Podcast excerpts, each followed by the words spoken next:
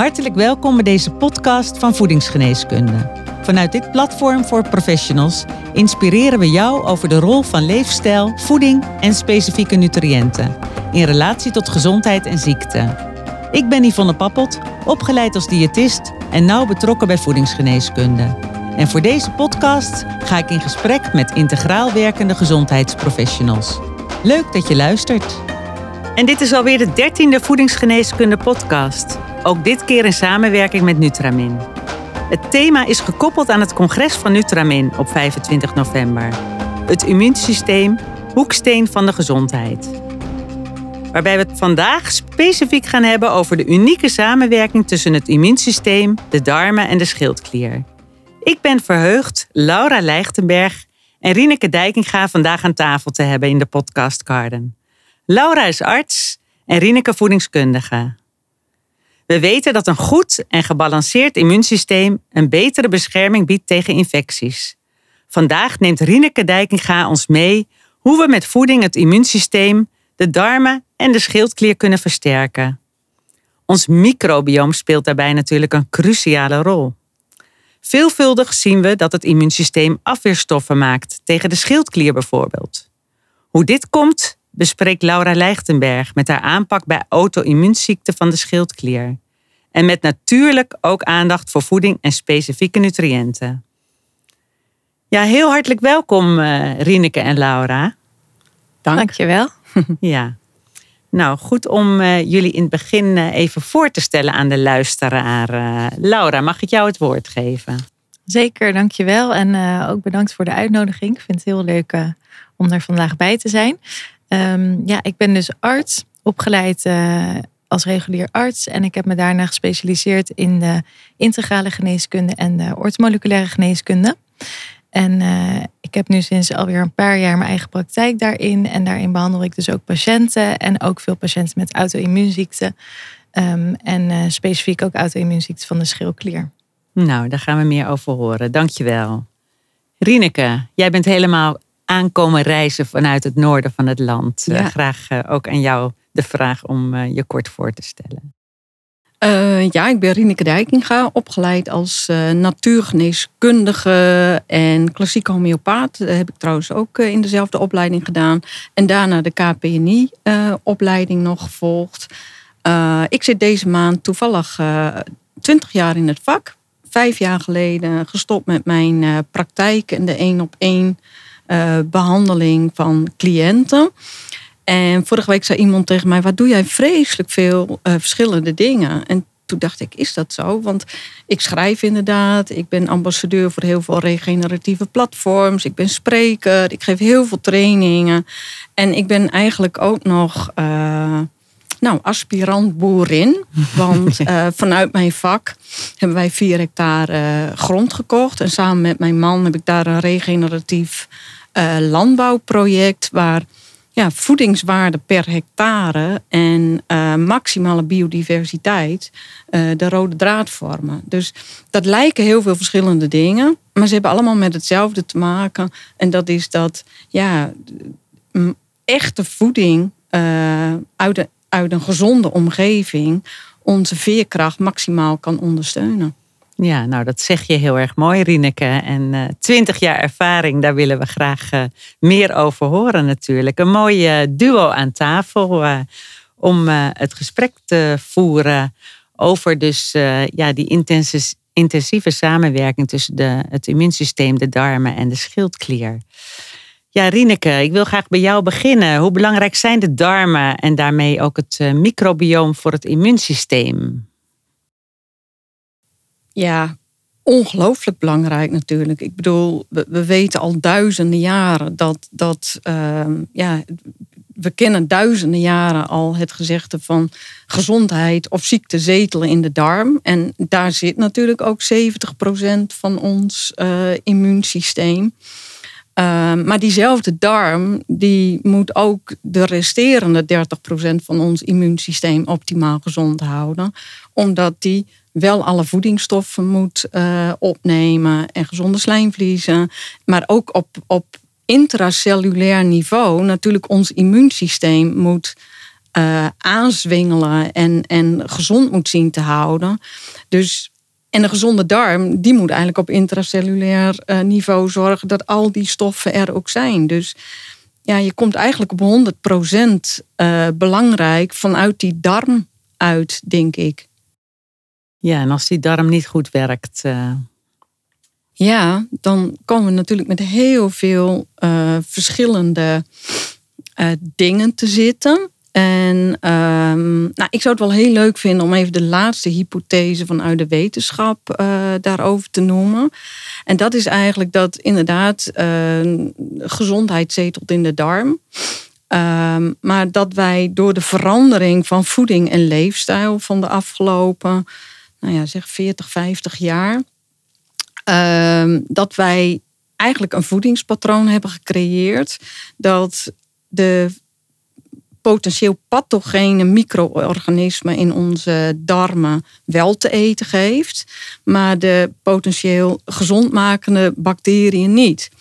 En uh, dat is natuurlijk echt een heel groot probleem, want pathogeen, uh, potentieel pathogene darmbacteriën te eten geven, dat betekent dat die zich vermeerderen ten koste van de potentieel uh, gezondmakende bacteriën. Nou, en wat de wetenschap vanaf eigenlijk, eigenlijk denkt, dat wat er gebeurt, is dat alle uh, immuunproblemen en alle laaggradige ontstekingen en ook alle auto-immuunziektes en de enorme toename van allergieën, dat die waarschijnlijk te maken heeft met dat voedingspatroon. En dat die pathogeen uh, dat die pathogene opportunistische bacteriën eigenlijk nou ja, ontstekingen in die darm uh, creëren. En nou ja, niet, niet alleen ontstekingen na de maaltijd, maar ook door al hun endotoxines en noem maar op. Dat daardoor onze slijmvliezen niet meer intact blijven. En dan zijn we eigenlijk natuurlijk onze, onze frontlinie qua immuunsysteem uh, kwijt. En dat doordat die slijmvliezen niet meer intact zijn, er allerlei endotoxines, milieutoxines, niet goed afgebroken voedingsstoffen, die kunnen dan door naar de bloedbaan. Nou, daar komen ze het immuunsysteem tegen. En als dat immuunsysteem daar niet in staat is om dat weer in goede banen te leiden, dan mogen die stoffen uh, ja, het, het systeem in. En dan krijgen we systemische ontstekingen.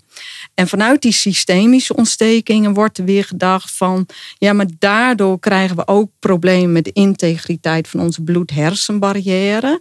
Die raakt dan ook uh, zijn integriteit kwijt. En dan mogen die endotoxines en niet goed, niet goed afgebroken voedingsstoffen en milieutoxines en additieven, die mogen ook nog door naar ons brein, waar ze daar weer ontstekingen creëren. Ja.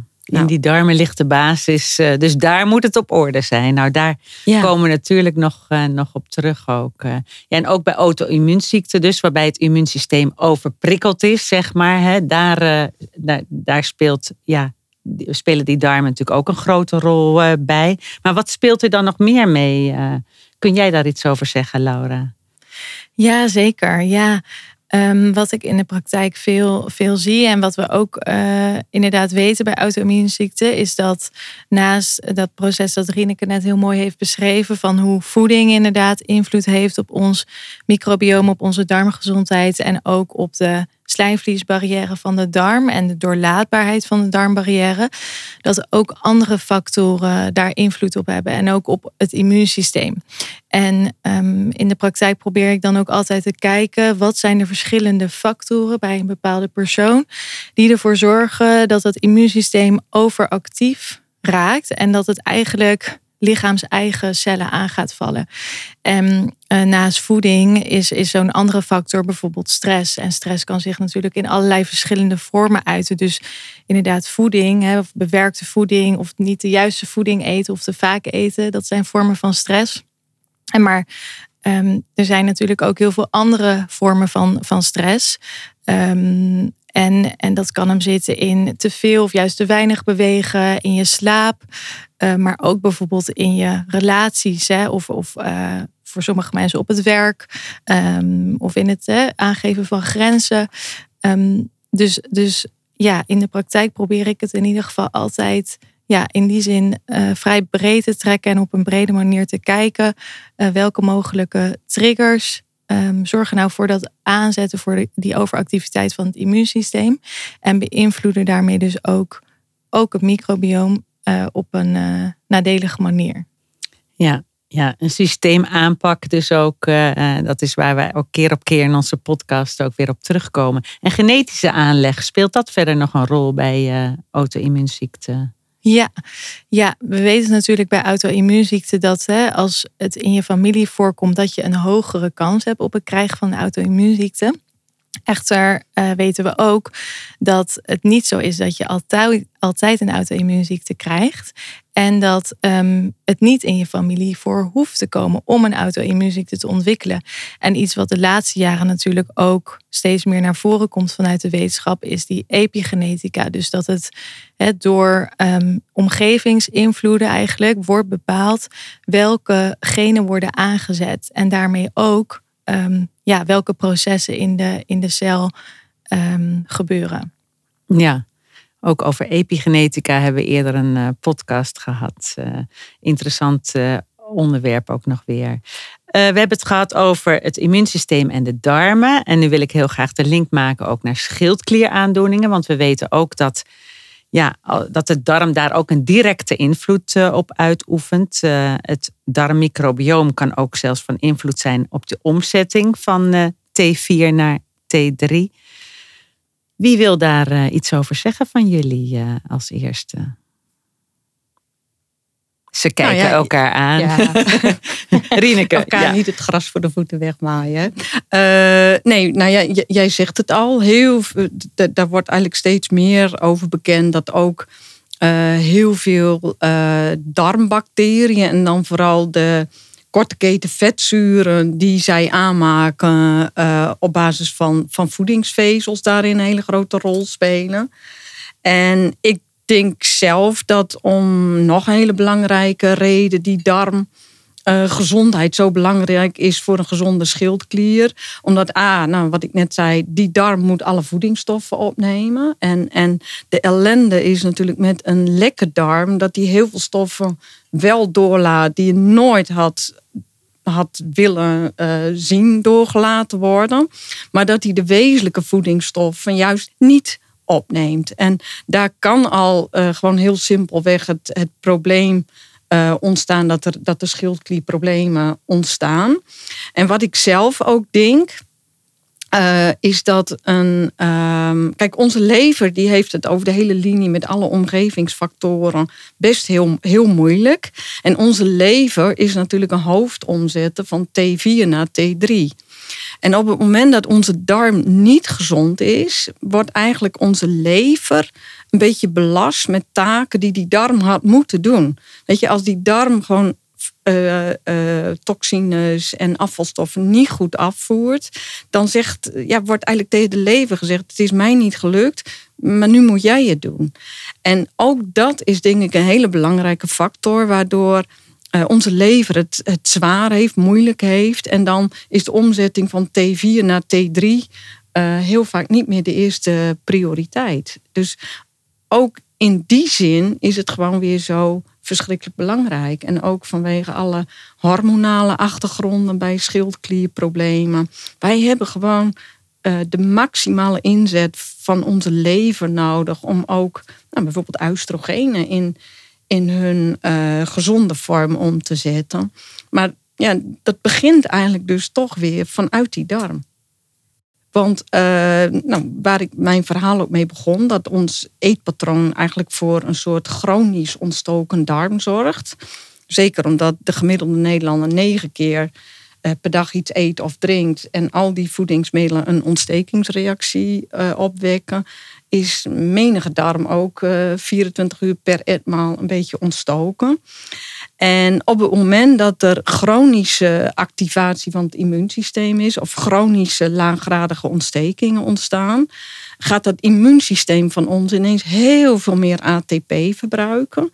En die moet hij ergens weg zien te halen. En, en dan gaat eigenlijk het triageprincipe, waar we gewoon de afgelopen jaren ehm, ja, met COVID heel erg veel over gehoord hebben. Dat, dat er gekozen moet worden welke systemen wel energie krijgen en welke uh, minder. Ja, dat gaat dan eigenlijk in werking uh, treden. En onze schildklier, omdat die zoveel ja, ATP-omzetting ehm, ook, ook genereert, maar ook opeist, is een heel gemakkelijk orgaan om dat triageprincipe op, op toe te passen. En dan wordt hij eigenlijk verstoken van de ATP. Dus ook weer vanuit die darm bekeken is dat eigenlijk ja, wij kunnen ons eigenlijk niet permitteren om chronisch laaggradige ontstekingen jaar in, jaar uit uh, ja, te laten sudderen. Ja, en je ziet die intensieve samenwerking tussen inderdaad het immuunsysteem, de lever en de darmen en de schildklieren. En uh, ja, Laura, wat, als je dit verhaal van uh, Rieneke zo hoort, heb jij daar nog iets op aan te vullen? Nou, ik denk dat Rieneke het al heel mooi eh, heeft uitgelegd en verwoord. Het enige waar ik ook nog aan dacht is dat ja, je komt natuurlijk daardoor in een vicieuze cirkel terecht. Dus door dat hele proces. Uh, want doordat inderdaad die omzetting niet meer goed verloopt of de lever wordt overbelast en die opname van voedingsstoffen en vitamine en mineralen in de darmen eigenlijk niet meer goed gaat, um, dat zijn voedingsstoffen die ook weer nodig zijn voor die processen van die omzetting en om de lever goed zijn werk te laten doen. Dus um, ja, je komt in een vicieuze cirkel terecht en dat zie je ook vaak in de praktijk. Dat mensen steeds meer klachten krijgen en dat mensen dus steeds meer last krijgen van, van uh, klachten, doordat dat proces, als het eenmaal gaande is, zichzelf eigenlijk in stand houdt en verergert.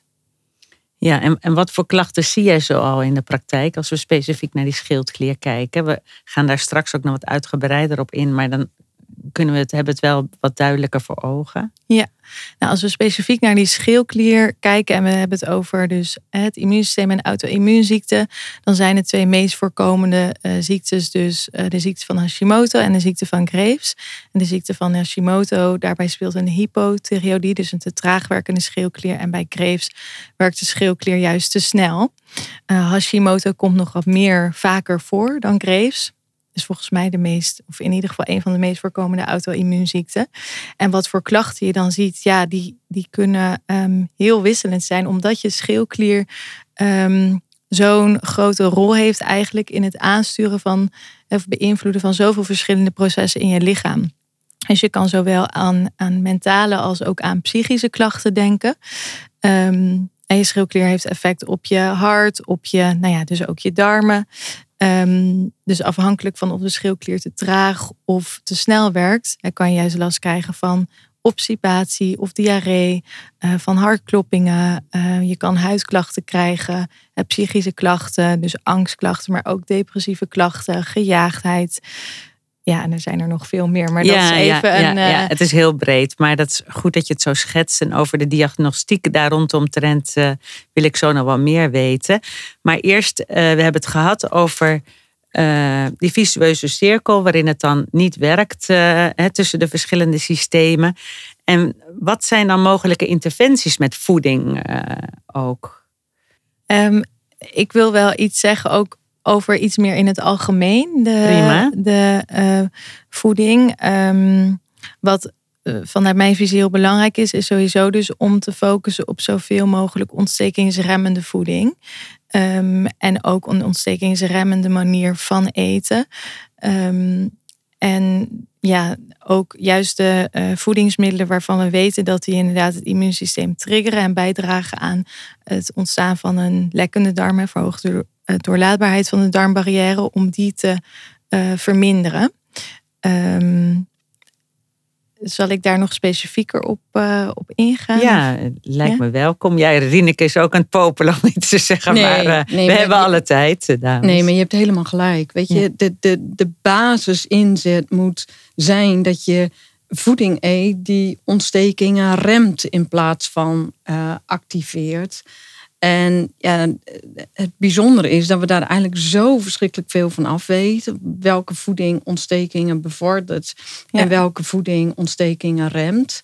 En het, ja, het, het paradoxale is dat we steeds meer voeding gaan eten die ontstekingen ehm, genereert en, en aanjaagt in plaats van afremt. En terwijl de basis van, van ontstekingsremmend eten eigenlijk zo verschrikkelijk eenvoudig is. Want dan kom je gewoon terug, terecht bij bij vezels die omgezet kunnen worden in korte keten vetzuren. Je komt bij uh, kleurrijke uh, polyfenolen uit. Je komt bij onbewerkt eten uit. Je komt bij divers eten uit. Ja, dat wij zo eenzijdig eten is op zich al een ontstekingsbevorderende factor. Dat we onbewerkt eten en onze eigen gezonde vetten kunnen toevoegen in plaats van de ontstekingsbevorderende vetten die in, in bewerkt eten zitten. Ehm, ja, dat we geen, niet allerlei additieven eten die in onze darmen ook ontstekingen genereren. Ja, en ik, ik, ik zou bijna zeggen van ontstekingsremmend eten, dat is gewoon, ja, dat is gewoon bijna te bazaal voor woorden om het daarover te hebben. Want dat is gewoon onbewerkt eten, divers eten, met het seizoen mee.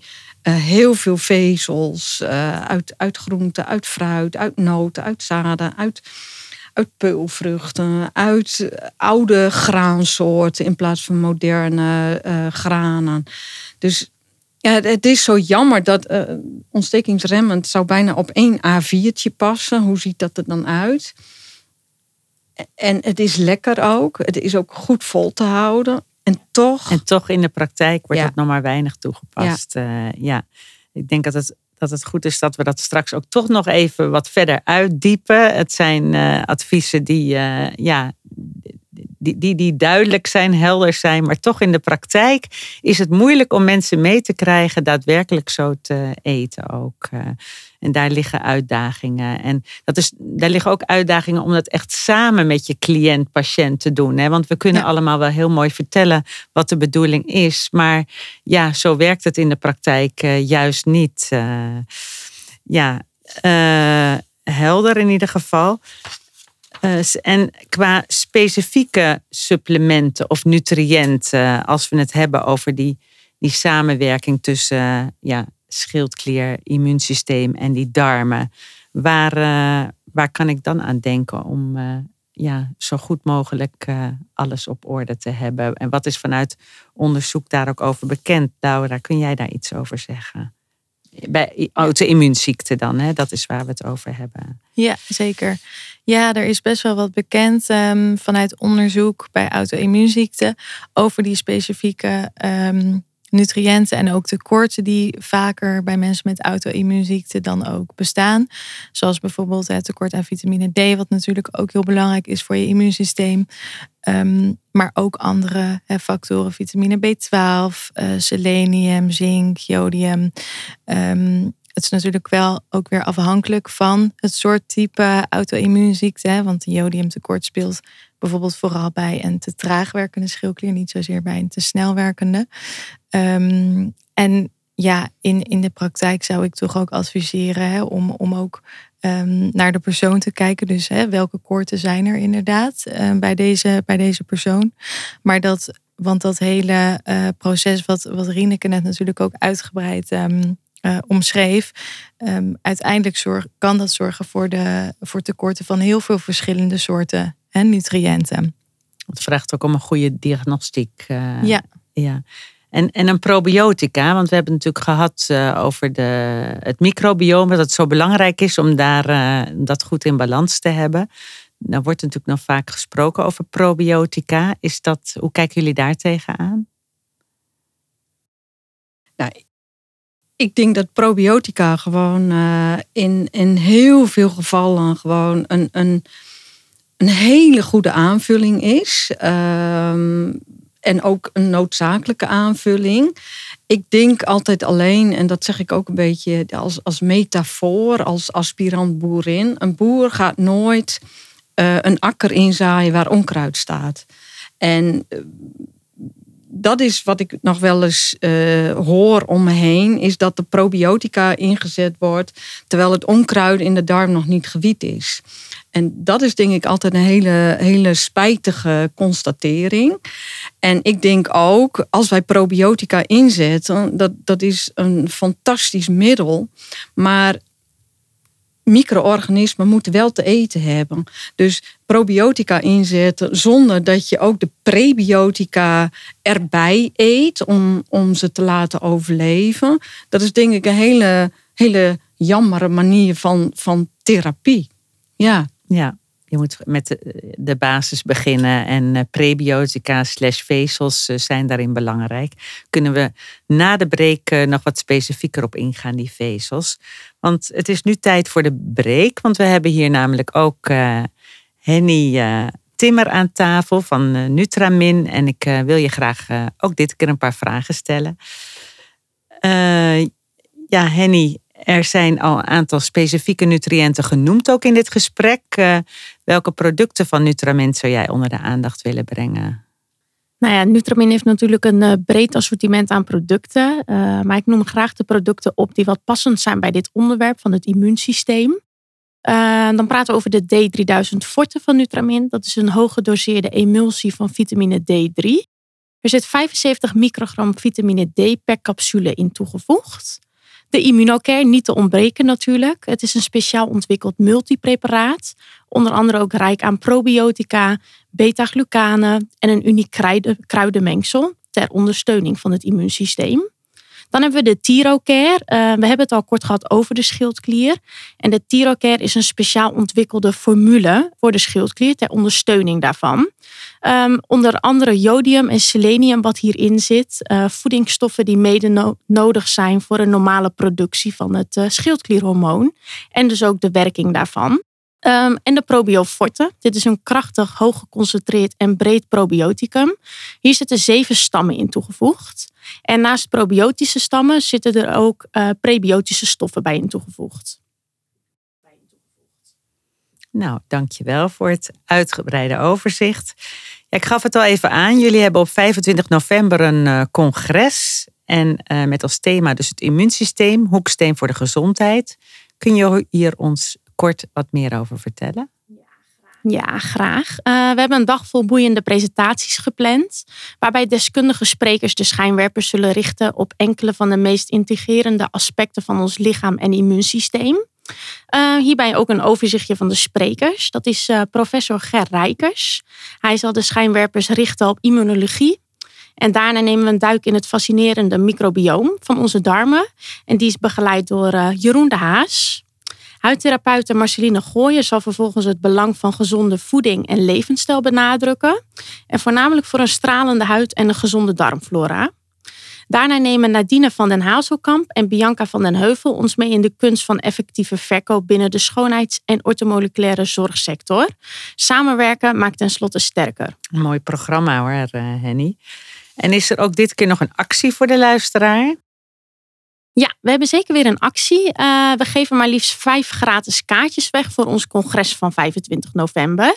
Wanneer je een informatiepakket aanvraagt, heb je dus een kans dat hier een gratis kaartje in zit. Uh, de actie die is geldig tot 17 november. Oké, okay, dankjewel. Zijn we gekomen aan het einde van de break. En dan gaan we weer terug naar Laura en Rieneke. We hebben al een heleboel besproken, zo al. En we hadden het al even over die vezels. Daar wil ik nog even op verder zoomen. Want vezels is natuurlijk ook een heel algemeen eh, begrip. Rieneke, kun jij mij kort uh, schetsen ja, wat, wat nou echt belangrijk is in het kader van het onderwerp van vandaag? En ja, dat zo concreet mogelijk vertalen naar uh, hoe we daarmee omgaan in de dagelijkse praktijk. Nou, weet je, laat ik het heel, heel simpel uh, stellen. Wij hebben een, een uh, microbiome uh, en die micro-organismen hebben gewoon eten nodig. en, en wij zouden hun dat eten moeten leveren met elke hap die we in onze mond stoppen. En hun favoriete uh, brandstof zijn vezels. En, en dat kan een deel vezel zijn die gewoon zorgt voor volumeverhoging uh, in die darm, zodat darmtransit uh, goed verloopt. Maar zij hebben vooral, ja, een bijzondere naam is dat eigenlijk, MAX nodig. Dan, ja, die micro-accessible carbohydrates. En die zetten zij om in korte keten vetzuren. En die korte keten vetzuren hebben tot op DNA-niveau, tot op mitochondriaal niveau in onze cellen ook uh, invloed. En ik denk wat er gebeurd is met ons eh, voedingspatroon van de afgelopen nou, 50 jaar, is dat wij steeds minder van die fermenteerbare vezels zijn gaan eten. Ook omdat wij gewoon, denk ik zelf, ehm, niet helemaal snappen dat die vezels eruit gehaald worden. Ehm, dat is natuurlijk heel bizar dat een voedingsmiddel van oorsprong hele mooie vezels had. Maar op het moment dat die op je bord komt, dat alle vezels weg zijn. En ik denk dat dat iets is dat wij zoveel eten raffineren. Uh, dat wij gewoon eigenlijk niet eens snappen dat wij onze micro-organismen laten verhongeren.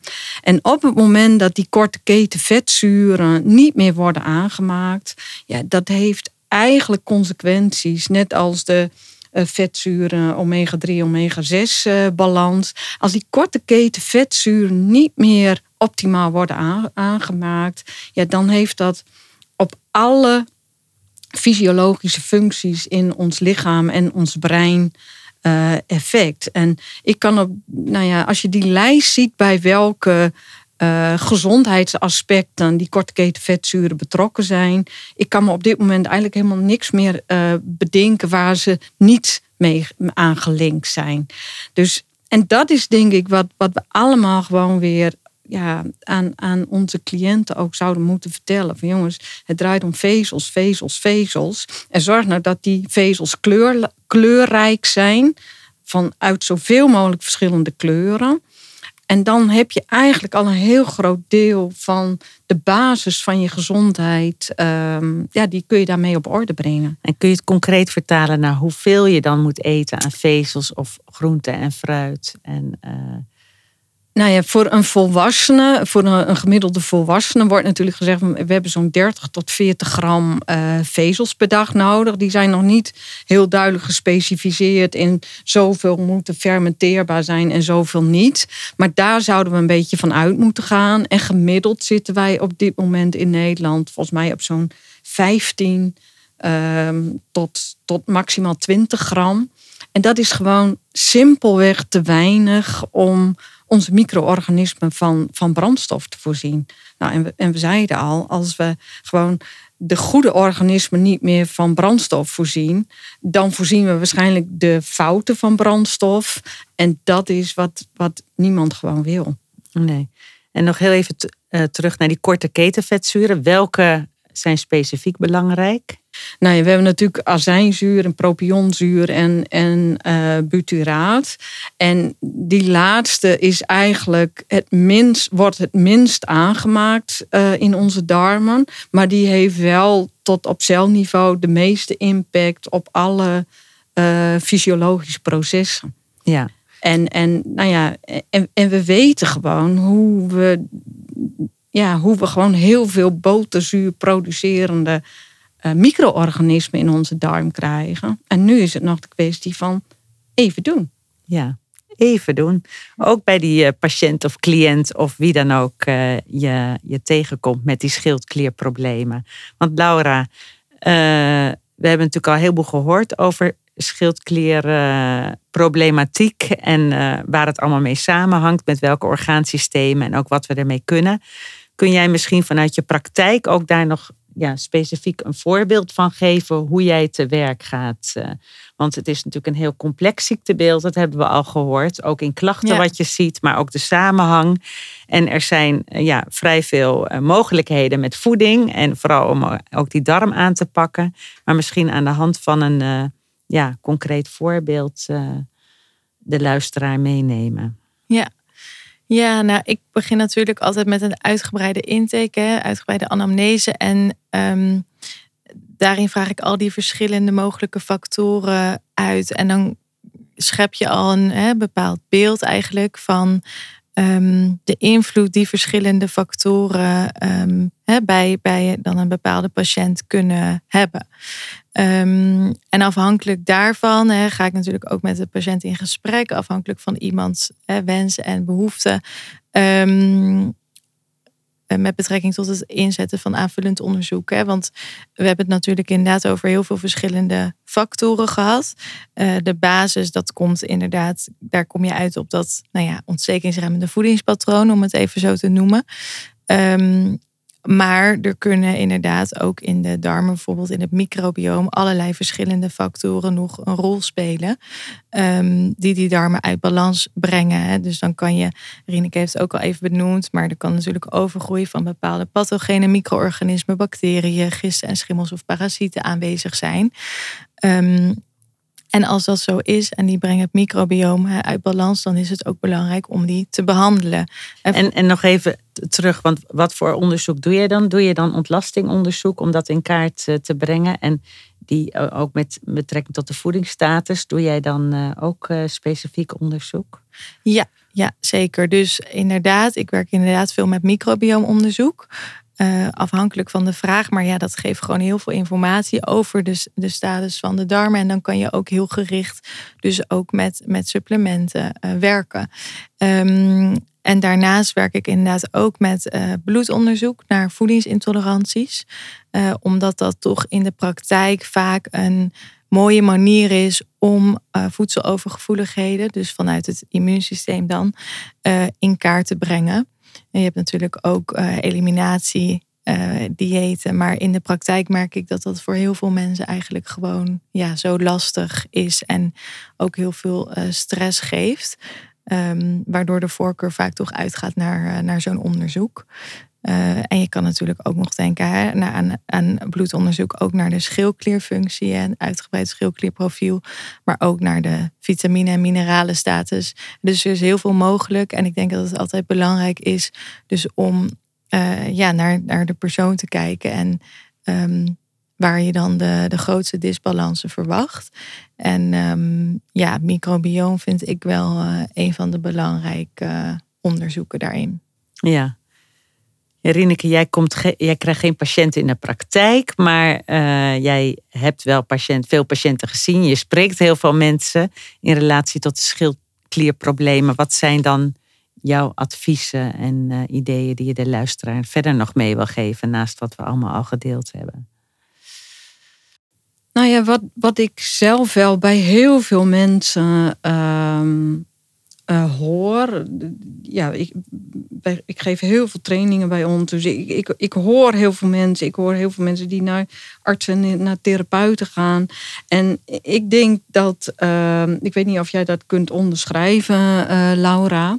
Maar dat de, de, ja, de symptomen van een schildklierprobleem soms zo duidelijk aanwezig zijn maar niet herkend worden als schildklierprobleem. En dat, dat, dat bezorgt wanhopige mensen soms jarenlange zoektochten. Zo hadden wij vorige week een, uh, een mevrouw uh, bij een training. En nou ja, die, die begon bijna te huilen toen het over het microbioom ging. En zei van ja, maar ik doe alles en, en toch kan ik niet naar het uh, toilet. En weet je, het ligt niet aan stress. En ik drink uh, voldoende vocht en ik eet voldoende vezels. En ik doe eigenlijk alles volgens het boekje. En toch kan ik maar twee keer per week naar het toilet. En toen zei ik van joh, kan het dan eh, is wel eens bekeken of jouw schildklier een probleem zou kunnen zijn. En nou ja, wat bleek dus, ze hadden enorme kiesten op dit moment uh, in de hals. En nou, werd ook gedacht, misschien is het uh, kwaadaardig, maar het, het, het, was inderdaad een goedaardige kiesten. En uh, toen bleek dus dat ze een, een ochtendtemperatuur had van 35 graden. Dat hij al jaren haar stem uh, steeds lager en heeser werd. Dat haar wenkbrauwen uitgevallen uh, waren. En dat niemand eigenlijk dat. En ja, dus ik, ik vind ook dat dat, dat soort uh, hele, hele nou, mooie symptomen wou ik zeggen, er is niks moois aan. Maar zulke duidelijke symptomen, het zou zo mooi zijn als we die ook weer gaan herkennen. Nou, wel belangrijk dat je dat noemt, denk ik, Laura. Want ja, die, die diagnose, dat is en blijft toch wel uh, ja, complex ook, omdat het zo'n breed beeld geeft aan klachten. Maar aan de andere kant is het wel een heel duidelijk patroon. Dus ja. wat, wat, wat kun jij daar in de luisteraar nog meegeven? Ja, ik vind het zeker, zeker herkenbaar wat Rieneke zegt, ook ehm, vanuit de praktijk. Uh, ik heb het zeker ook al um, vaker gehad dat inderdaad um, patiënten niet zozeer met uh, de diagnose schildklierziekte bij mij kwamen, maar dat ze toch inderdaad bepaalde klachten ervaarden, waardoor ik zei: hey, laten we dat eens onderzoeken. En dat daar dan inderdaad ook zeker een, een probleem zat. En ik denk dat, nou ja, misschien sowieso een, een tip voor de luisteraar om mee te geven is dat het sowieso ook als patiënt heel belangrijk is om daarin wel op je lichaam te vertrouwen en naar je lichaam te luisteren, omdat inderdaad schildklierklachten, uh, uh, je, je hebt zeker typische klachten, maar het ontstaat heel geleidelijk en daardoor heb je het zelf niet altijd per se door. En omdat het al, ja, toch ook wel wat vagere klachten kunnen zijn, um, kan het ook, eh, dus in die zin voor jezelf, hè, ook misschien in de communicatie naar je arts ook best lastig zijn om te vertellen, hé, wat, wat speelt er nou echt of waar heb ik nou echt last van? Um, en tegelijkertijd, ja, zou daar denk ik ook wel meer um, um, oplettendheid uh, voor mogen zijn. Ja, zeker vanuit die gezondheidsprofessional om ja. daar, uh, om dat hele, om het hele spectrum te bekijken ook. Uh, ja. ja. Nou, duidelijk. Er zijn uh, voor de break toen ook nog een aantal specifieke nutriënten genoemd. We hebben daar toen niet te lang bij stilgestaan. Maar Laura, jij noemde ook jodium bijvoorbeeld en B12. En uh, ja, ik wil daar nog even op inzoomen ook van wat is daarover bekend en ja, wat, wat, wat kun je daar ook mee uh, ja, in voeding of suppletie? kun jij daar nog iets over zeggen? Ja, ja, in het geval van uh, jodium speelt natuurlijk vaker een rol bij een um, te traag werkende schildklier. Ja. Um, en dat heeft ook uh, effecten op de um, omzetting van een bepaald enzym, wat ook belangrijk is voor de schildklierfunctie. dus ik denk dat dat zeker inderdaad eh, een belangrijke is om bewust van te zijn hè, bij patiënten met dus een te traag werkende schildklier. Um, en wat betreft vitamine B12 en vitamine D inderdaad, onder andere, maar bijvoorbeeld ook ijzer, uh, is ook van bekend dat tekorten vaker voorkomen. En dat heeft vaak ook weer een relatie met um, uh, andere auto-immuunproblematiek die vaker voorkomt, zoals bijvoorbeeld glutenallergie of intolerantie. Um, dus ik denk dat ja, dat ook hele belangrijke dingen zijn die ook natuurlijk als behandelaar, uh, om als behandelaar uh, mee te nemen. Ja, selenium noemde jij ook nog, uh, Rieneke, want in onze bodem zit steeds minder selenium. ja. ja. ja. Ik, als ik naar de bodemanalyses van ons land kijk, dan, dan, um, dan, dan schrik ik elke keer weer. Omdat Je, wat niet in de bodem zit, zit ook niet in ons eten. En wij zijn ook wat ons eten at. En, en um, dat, dat is echt een, een heel groot aandachtspunt. Um, waardoor wij inderdaad wel meer calorieën zijn gaan eten, maar steeds meer calorieën waar heel weinig in zit.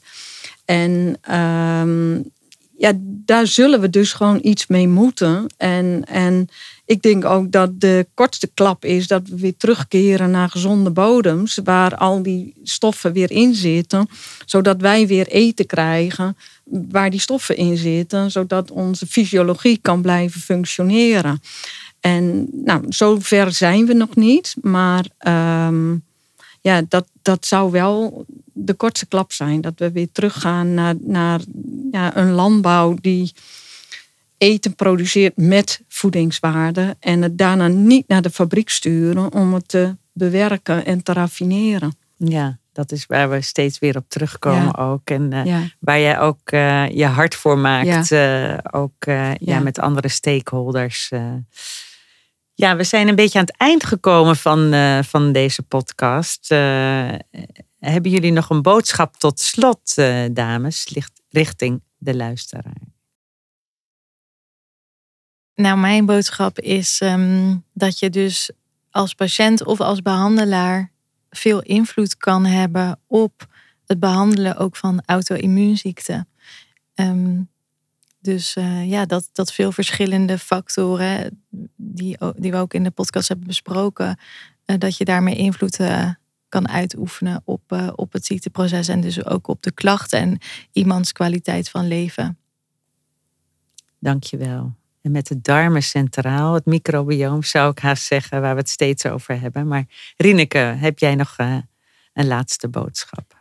Ja, toch wel. Want eh, vanuit die darm heb je het natuurlijk steeds over die korte keten vetzuren die onze hele gezondheid moeten bewaken. Maar, maar eigenlijk eh, ja, hebben, we, hebben de andere vetzuren, de omega-3-6 balans, uh, nog niet echt de, de, revue laten passeren. En die zijn natuurlijk bij alle ontstekingen en alle auto-immuunziektes van, van net zo groot belang als die korte keten vetzuren.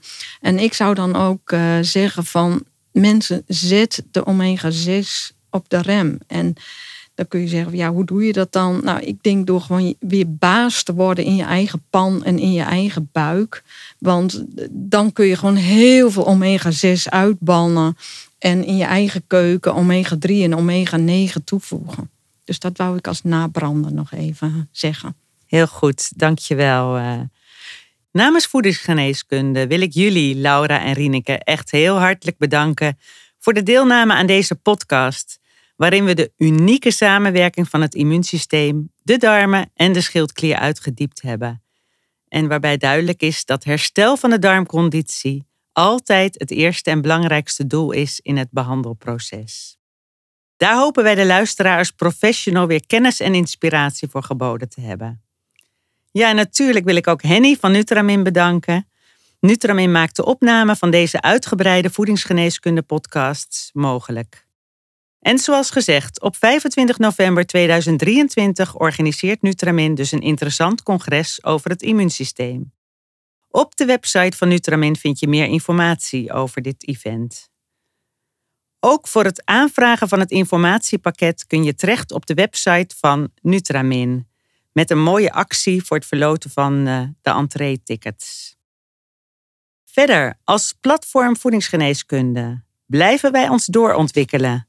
Wij bieden professionele en wetenschappelijk onderbouwde kennis via een website, vakblad, een jaarlijks congres en naast deze uitgebreide podcasts ook korte nieuwspodcasts. Wil je op de hoogte blijven? Schrijf je dan in via de website gelijk voor de wekelijkse nieuwsbrief. Bedankt voor het luisteren en graag tot een volgende keer. De show notes vind je op de social media kanalen van Voedingsgeneeskunde en op de website www.voedingsgeneeskunde.nl. Daar informeren we je ook over de nieuwe onderwerpen van de volgende podcast. De informatie in deze podcast is met de grootst mogelijke zorgvuldigheid samengesteld voor gezondheidsprofessionals.